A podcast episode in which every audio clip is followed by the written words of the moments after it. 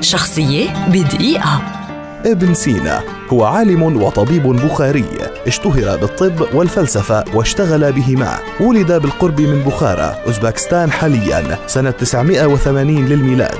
وعرف باسم الشيخ الرئيس. وسماه الغربيون بأمير الأطباء وأبو الطب الحديث في العصور الوسطى. ألف ابن سينا 200 كتاب في مواضيع مختلفة. العديد منها يركز على الفلسفة والطب ويعد من أوائل من كتبوا عن الطب في العالم. وقد اتبع نهج وأسلوب أبقراط وغالينوس. أشهر أعماله كتاب القانون في الطب الذي ظل لسبعة قرون متتالية المرجع الرئيسي في علم الطب.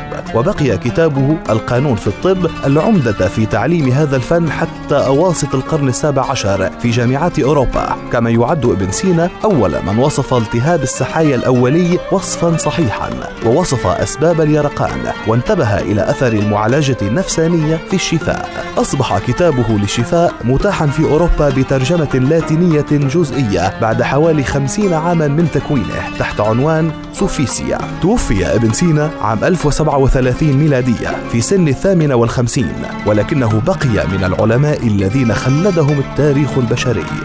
شخصية بدقيقة.